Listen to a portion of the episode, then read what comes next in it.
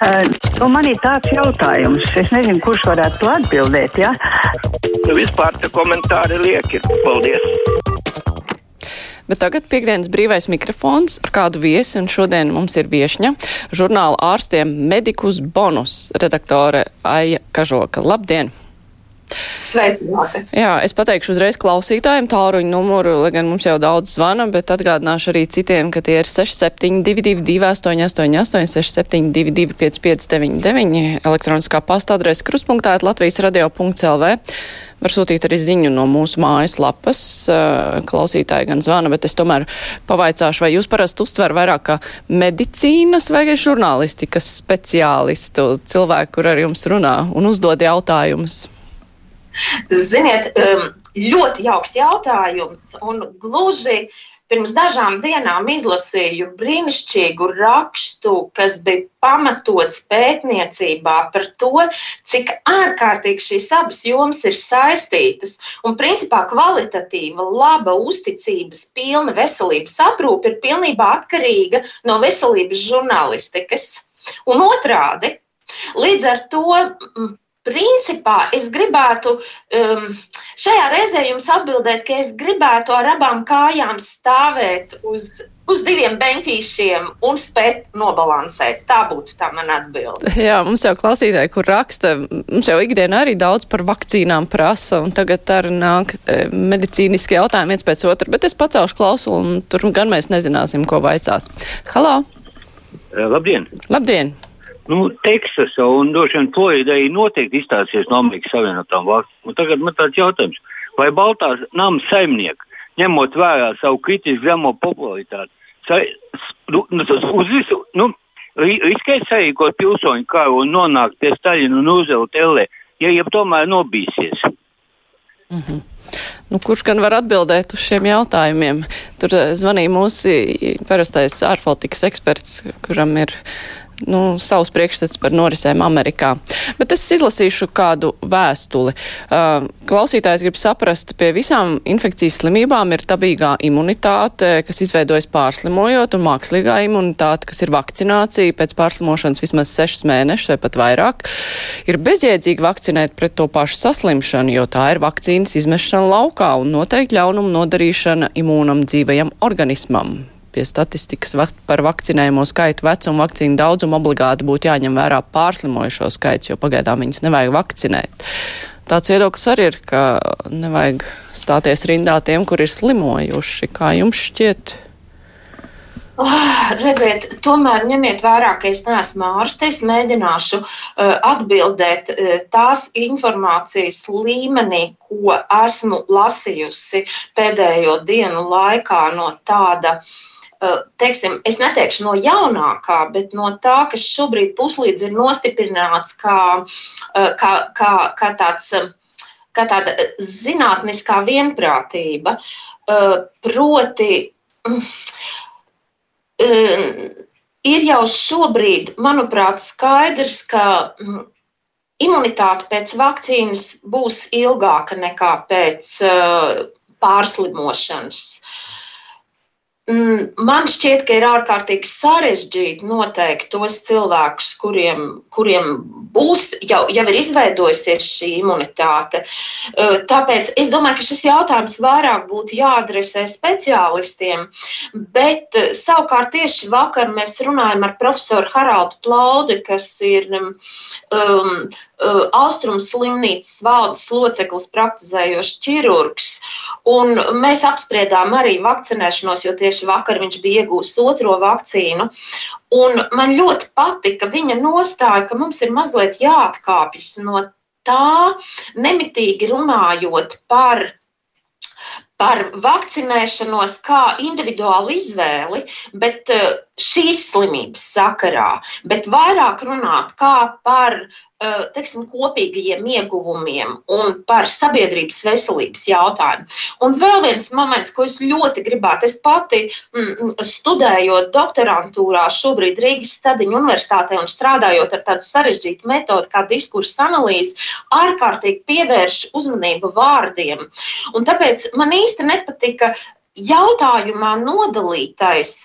Uh, dabīgā imunitāte un imunitāte, kas iegūta pēc vakcīnas. Šīs abas imunitātes ir vienādi dabiskas. Imunitāte ir imunitāte. Mm -hmm. Tās nav nedabiskas, tās abas ir vienlīdz dabiskas. Vien, vienkārši vienā no gadījumiem mēs riskējam slimot smagi vai pat mirt. Otrā gadījumā mūsu pārslimošanas procesu jau kāds laboratorijā ir samazinājis līdz minimumam. Ja mm -hmm. Es tā to gribētu atbildēt, bet atkal lūdzu nevērtējiet mani kā ārsti. Es esmu komunikācijas speciālists. Nu jā, tas ir jāatcerās, ka mēs šobrīd esam brīvajā mikrofonā un faktiski klausītāji mums var uzdot jautājumu par jebko. Šobrīd vienkārši vakcinācija ir ļoti populārs temats. Es pacelšu klausuli. Halo! Ui, klausuli ir nolikta. Pacelšu otru. Arī otra ir nolikta. Tā tad lasīšu vēstules. To ir, to ir daudz tā klausītājs uh, vaicā, nu, raksta paldies Latvijas televīzijai par atkārtot dokumentālās filmas Itālijas noskaņas demonstrējumu 26. decembrī. Izšedevrs par cilvēku kā dabas sastāvdaļas pamatvērtībām ar debišķīgu mūziku un lielisku teksta lasījumu latviešu valodā. Es neredzēju. Redzējāt? 26. decembris pagājušo gadu vēl. Labi, tagad gan ceļu klausulu. Halā! Halo! Labdien! Lūdzu, jūs Labdien. esat ēterā! Jā, labdien! Um, es lūdzu jūsu palīdzību, Māra un Aidi. Es lūdzu ne tikai savā vārdā, bet arī daudz, daudz citu cilvēku vārdā. Lūdzu, noskaidrojiet, kāpēc Covid vīrusa laikā nav nopērkams aptiekās pret vīrusu preparāts remontadīns. 40 gadus to varēja nopirkt. Remontadīnu ražo Olaņa farma un Grīndes. Man parādījās Covid pazīmes, pietika tikai ar vienu tabletīti, lai no rīta pamostoties, visi simptomi būtu pazuduši jau. Tad vēl viena no rīta, viena vakarā nepriecīga. Pateicība mūsu tautietim Jānim Polim par šo zāļu radīšanu. Jā, ir pazudis, nav es neesmu interesējusies, bet mums klausītāji arī tā domā, ja tas ir pret vīrusu medikaments, ka tas pret covid arī palīdz, bet visiem vīrusiem jau nelīdz, laikam viens un tas pats medikaments. Ir kāda nu, piebilde? Tā, mm -hmm. nu, nebūs tā, pilnīgi noteikti. Es neesmu dzirdējusi saistību ar iespēju izārstēt šo vīrusu, un otrs moments - Covid pazīmes un apstiprināts Covid tomēr nebūs viens un tas pats, nu, Covid-19, teiksim. Mm -hmm. nu, klausītājs zvana Halā. Sveicināti! Labdien! Nu, es gribēju par to pašu Covid teikt. Cik ilgi mēs nodarbosimies ar pašmocībām, nu, kas mums ir aizliedzis eh, dieva lūgt, un tā, tas Covid jau mūsu izvēle ir. Un pie kā mēs griezīsimies, piemēram, Baltkrievijā, viņi nedzied Dievu svētību Baltkrieviju, bet viņi nav aizlieguši Dievu ļaudīm pulcēties, un cīnās par neatkarību, un viņi arī negrib kļūt par tādu zagļu izvērto zaņķu, vai ne? Un Dievs atbūt tiem cilvēkiem, kas viņu lūdz, viņam klaus, tur tā problēma mums ir, un par to radio klusē. Mm -hmm. Baltkrievijā arī slimo ar covid, diemžēl, tikai neziņot tā kā pie mums. Mm, jā, es atkal gribētu teikt, tā, uh, uh, respektējot šī kunga uh, priekšstats par to, kā viņš vēlas dzīvot. Es mazliet par savējiem. Man mazliet mulsina šī frāze atgriešanās pie normālas dzīves. Nu, īsti tā atgriešanās pie normālas dzīves, es to gribētu pat pārmest veselības komunikatoriem, ka vakcinēšana būs pilnībā atgriešanās pie normālas dzīves, eh, ar to saprotot eh, pie kaut kāda pilnīgi tāda paša dzīvesveida, kā sanāk. Bet ko es gribu teikt? Es vēlos teikt, ka Mēs šobrīd esam jau gadu dzīvojuši ar covid, visticamāk, ka nodzīvosim arī visu šo gadu. Man jau ir 60 plus, Un es nekādi nepieņemšu apgalvojumu, ka šī mana dzīve un šie divi manas dzīves gadi ir nenormāli. Es dzīvoju tā, tādos apstākļos, kādas šobrīd man ir doti, un mēģinu normalizēt šos dzīves apstākļus. Un es teikšu, godīgi, tas izdodas. Ja tu ar saprātu, eh, ar, ar gaišu skatu, ar, ar, ar draudzīgo saišu uzturēšanu, um, izvēlies šo laiku uh, dzīvot tieši tādos apstākļos, kāda tev ir iedota. Mm. Klausītāji vaicā, kāpēc neviens nerunā, kā šajā laikā klājas bezdarbniekiem. Apmācības kurs nenotiek, izdzīvošanai saņem 180 eiro mēnesī no šīs naudas jāuztur pie dzīvības bērnus, kuriem neviens nemaksā 50 eiro kā dīkstāvis pabalsts saņēmējiem, kāds teiks jāmeklē darbs. Bet manā pagastā nav brīvu darbu vietu. Nu, ir smagi. Tie, kuri saņem vēl pabalstu, vēl labi, bet tie, kas ir ilgstošie bezdarbnieki, viņi arī to nesaņem. Tā kā, nu, mēs jau gan runājam arī par visiem cilvēkiem, cenšamies, bet jā, ir droši vien jāatgriež un jāatgriež pie šīm sociālajām lietām. Paklausāmies zvanu. Halo! Labdien! Labdien! Radio! Radio gan, un esat jau ēterā. Lūdzu, vai nevarētu, kamēr vakcīnas nav atvestas, uzaicināt to zelta meitenīti uz interviju pēdiņās, kas, kas saucās Juhņēvičs kundze? Mm -hmm. Interesants apzīmējums, bet uh, Juhņēvičs kundze noteikti vajag aicināt uz interviju, tikai mums šobrīd nav ieplānots. Vakar bija Latvijas televīzijā. Jā, šodienas jautājumā mm. var noklausīties.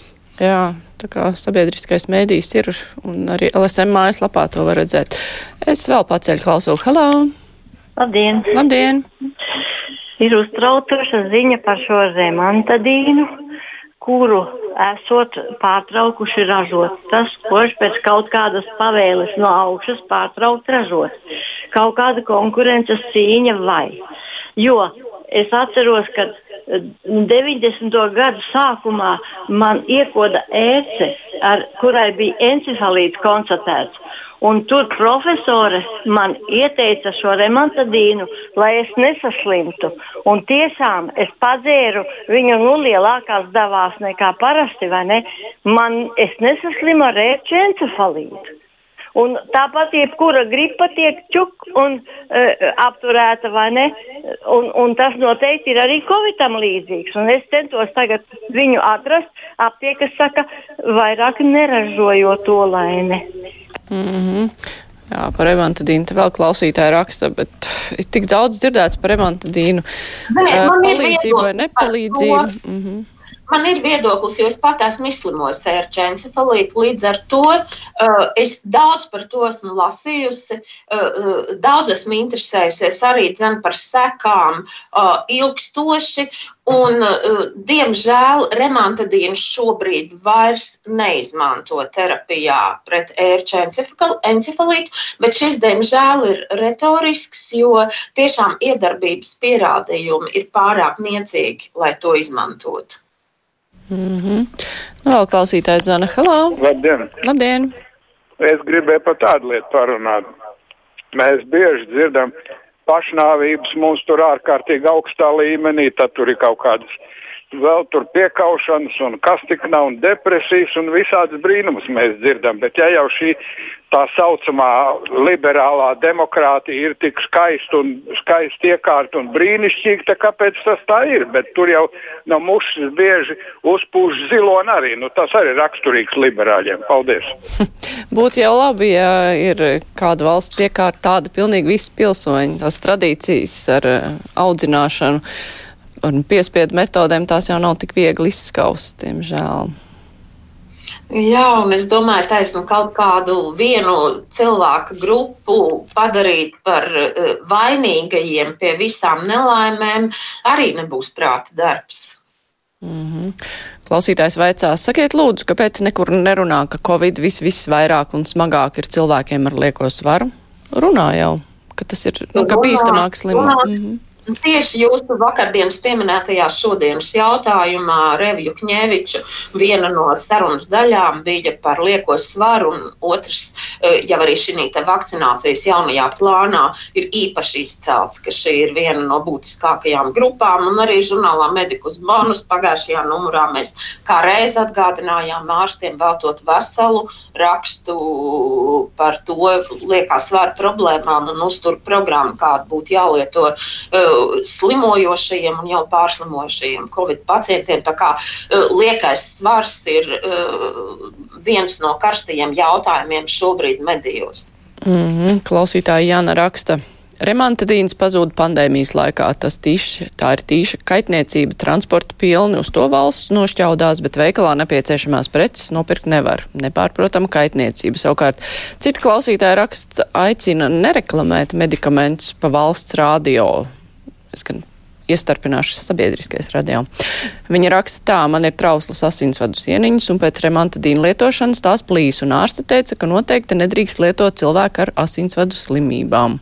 Tā kā pieredzes ir dažādas, un trakākais, ja paņemt vienu pieredzi un mēģināt ielikt cita cilvēka ķermenī. Tā kā Nu, katrā ziņā remantadīnam pilnīgi noteikti nav nekādas pētījuma bijuši attiecībā uz Covid. Man ir, man ir vienmēr milzīgs bažas šādos gadījumos, kad cilvēki visas solis saliek vienā groziņā, jo tas rada viltus drošības sajūtu, ka es esmu izdarījis visu, lai būtu sevis pasargājis un attiecīgi mm, ne, neizdaru tiešām nozīmīgas, nozīmīgas darbības, lai uh, reāli būtu drošāks. Mm -hmm. Klausītājs zvana halā. Ui, klausu un nolika. Vēl viens klausītājs zvana halā. Labdien! Labdien! Māra. Labdien! Man ir jautājums, ar koronavirusu 19 skaita, jā, bet tā nāk no Lielbritānijas un Dienvidāfrika, bet tur jau viņi jānosauc par 21 jaunais vīrus, kurš esot uh, stiprāks un indīgāks, un kas zina, kas tur tālāk vēl notiks. Nu, tik ļoti jauns jau nav. Tas pats vecais tikai mutējis.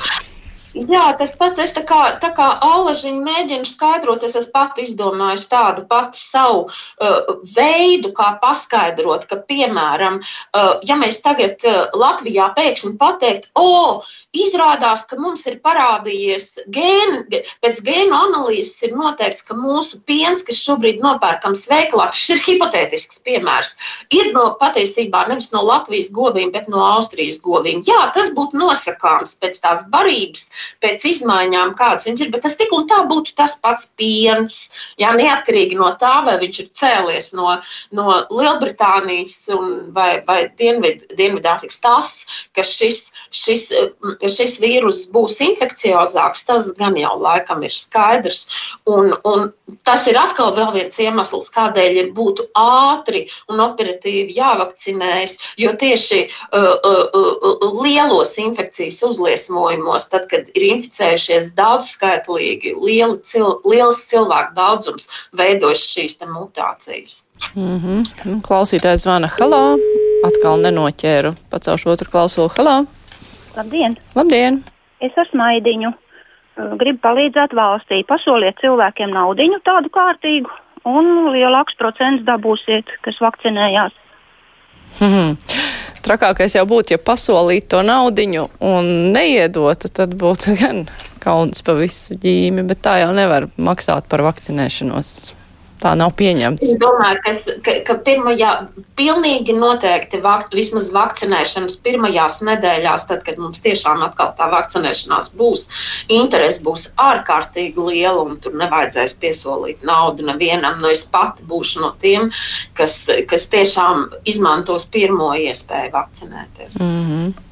Klausītāja raksta, aicina nolasīt arī kādu vēstuli, kuras saturs man pašai nav paprātam. Es lasu tādus vēstules arī arī. Viņi arī raksta, tomēr kaut kā dīvaini no Covid esot nomiruši pār pa tūkstoši cilvēkiem, bet cik cilvēki nomirst tagad Covid laikā no tā, ka netiek pie medicīnas pakalpojumiem, kādēļ to neviens nesaskaita. Un to ir ļoti grūti saskaitīt. Mums ir bijusi arī intervija ar mediķiem, kur saka, ka mēs tās sekas pēc tam, ka cilvēki nav gājuši, nav laikus vērsušies pēc palīdzības, nav saņēmuši palīdzību, ka, ka mēs tās sakas redzēsim vēl tikai vēlāk, un ka tur arī būs um, nu, tā ļoti nepatīkami pēc tam skaitļi droši vien. Diemžēl tā tas notiek. Bet, nu, ko lai dara? Nevar izdarīt visu droši vien, gan paglābt visus no covid, gan paglābt visus, kuri varētu izārstēties kāda situācija ir, tāda ir. Klausītājs zvana halā. Man interesē, cik procents aizsargās AstraZeneca un kāpēc Vācija ir aizliegusi saviem uh, vecākiem pa 65 vakcinēt viņam. Mūsu Latvija vispār neko nesaka. Mm -hmm. Nu, šī ziņa jau tikai pirmās dienas, kad parādījās. Protams, ka, ka tas, šis ir karstais jautājums šobrīd mediju vidē. Uh, jā, interesēsimies, kādēļ Vācija tādu lēmumu pieņēma. Es domāju, ka to tuvākajās dienās uh, šobrīd es baidos atbildēt. Man ir, man ir daži aspekti, ko es jau esmu uzķērusi, bet, bet, bet es tomēr domātu, ka mums vienkārši dažas dienas jāpagaida, un mēs saņemsim atbildi uz šo jautājumu. Klausītājs raksta, Juhņevičs kundze vakar intervijā teica, ka varēs izvēlēties potēšanās laiku, bet ne vietu un veidu. Tas nozīmē, ka, ja es dzīvoju Reizeknē, tad vakcinēties iespējams man būs jābrauc uz Rīgu vai, piemēram, Ogri. Tā un tā grib panākt, lai cilvēki vairāk vakcinējas brīvprātīgi. Paldies, jauku dienu! Ar to varētu, man liekas, arī būt kaut kādas problēmas. Gan par veidu runājot, par ko cilvēku uztraucas, īpaši vēl pēc tam ziņām no Vācijas, eh, ka vecāku gadagājumu cilvēki varētu negribēt to vakcīnu, bet cits iespējas var arī nebūt. Un tad Nu, jā, man arī ir. Es, es dzīvoju kopā ar uh, mammu, kurai ir tuvu 90. Un, uh, taisna šī senioru vakcinēšana man šobrīd uztrauc visvairāk. Tā skaitā jūsu pieminētā uh, vietas neizvēlēšanās, jo, jo man arī nu, būs jāizdomā, kādā veidā es mammu nogādāšu līdz, līdz šai vakcinēšanās vietai. Un, protams, ka es esmu interesēta, lai tas būtu pēc iespējas tuvāk mājai.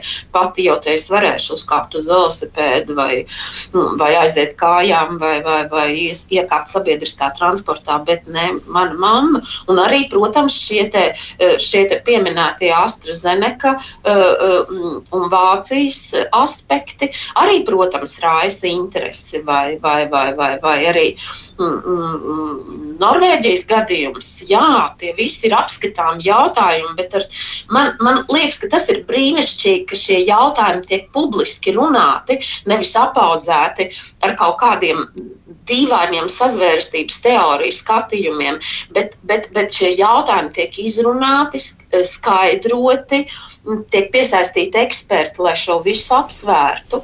Man tas liekas brīnišķīgi. Jā, tieši tā ir, ir labāk runāt, nevis, nu, dažkārt arī, ja mēģina kaut kādu informāciju, kas kā nav uh, par labu vakcinēšanai, vienkārši noslēpt, un tad uzreiz tas ir augstnē sazvērstības teorija cienītājiem, ka Jā. viņi slēpj un patiesība mm. ir vēl trakāka. Pacelšu klausu. Hello! Labdien! Labdien! Uh, jūs minējāt par uh, to, ka remontazīnas nav līdz galam uh, uh, izpētīts un nevar apgalvot, bet vai tad ar, ar, ar šo te sērgu nav tas pats? Viss taču notiek lielāko daļu minējumos. Kurš var apgalvot, ka tas tā ir?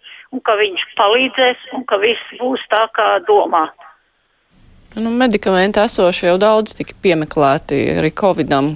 Ir kas palīdz, ir kas nav palīdz, kas nepalīdz. Tur jau par pavisam citu tematu klausītājs Adrians raksta, manuprāt, Dēlne ir sevi diskreditējis, korupcijas indeks ilgākā laikā palicis nemainīgs, lieka varai pietuvināto barotne.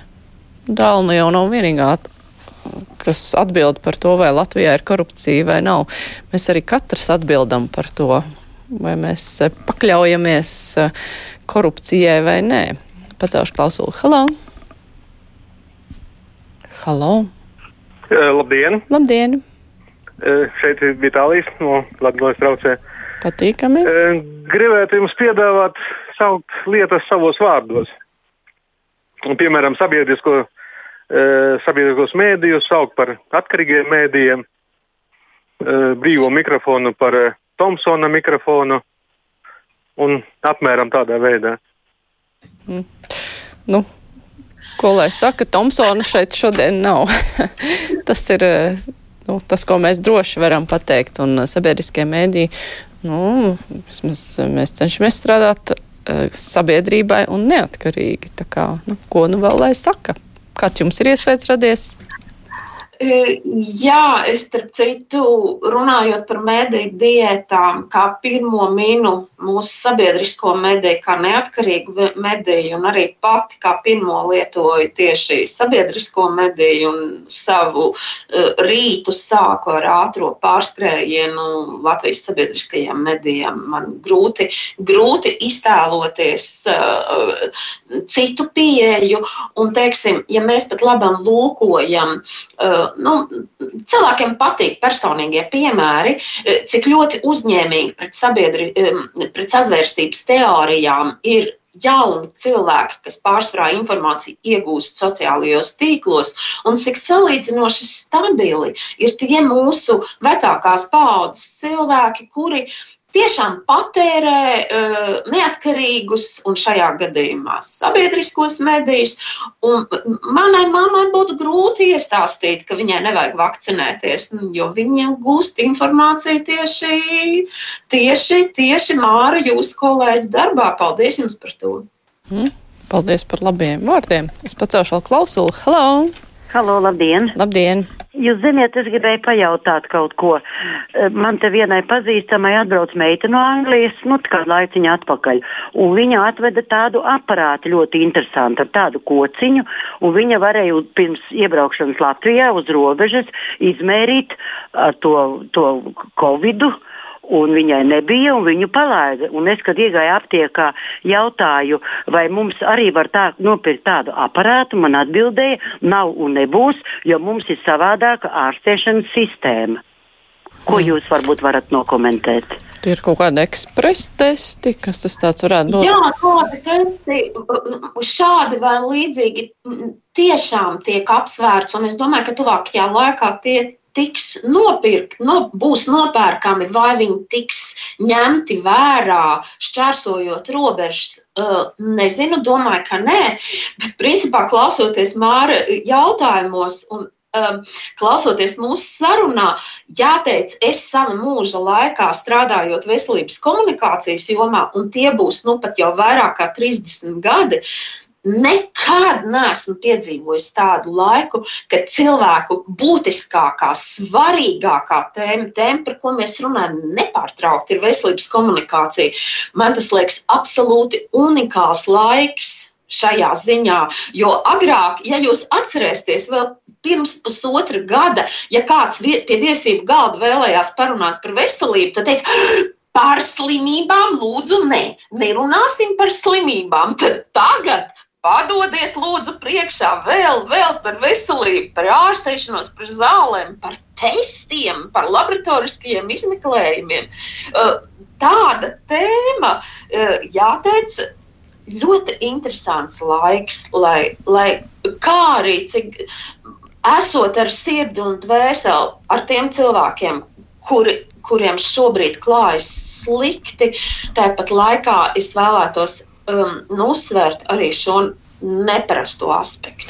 Nu, aspekts ir tiešām neparasts, bet jāatzīst arī, ka Covid ir eh, tāds sociāls fenomens tajā skaitā, jo tas tik nav, pagaidi nav, neatceros tādu slimību mūsu paaudzes laikā, kur būtu tik ļoti iet, ietekmējusi tieši cilvēku sociālo dzīvi. Tā kā nav brīnums, ka par to runā pie viesību galda. Bet uh, mums ir jā, jāsāk lēnā garā atvadīties. Uh, klausītāji vien vēstuli izlasījuši māra vīrusi dzīvo pēc tiem pašiem principiem, pēc kādiem dzīvo cilvēku. Tā ir slikta atziņa mums. Piekrītat? Nē? Nu, biedējoši. Biedējoši, biedējoši. Jā. Jā. Bet, nu, jā, šo domu tālāk neattīstīsim. Es teikšu jums paldies. Šodien kopā ar mums bija Aija Kažoka, žurnāla Medikus bonus redaktore. Es ceru, ka es pareizi izrunāju uh, nosaukumu.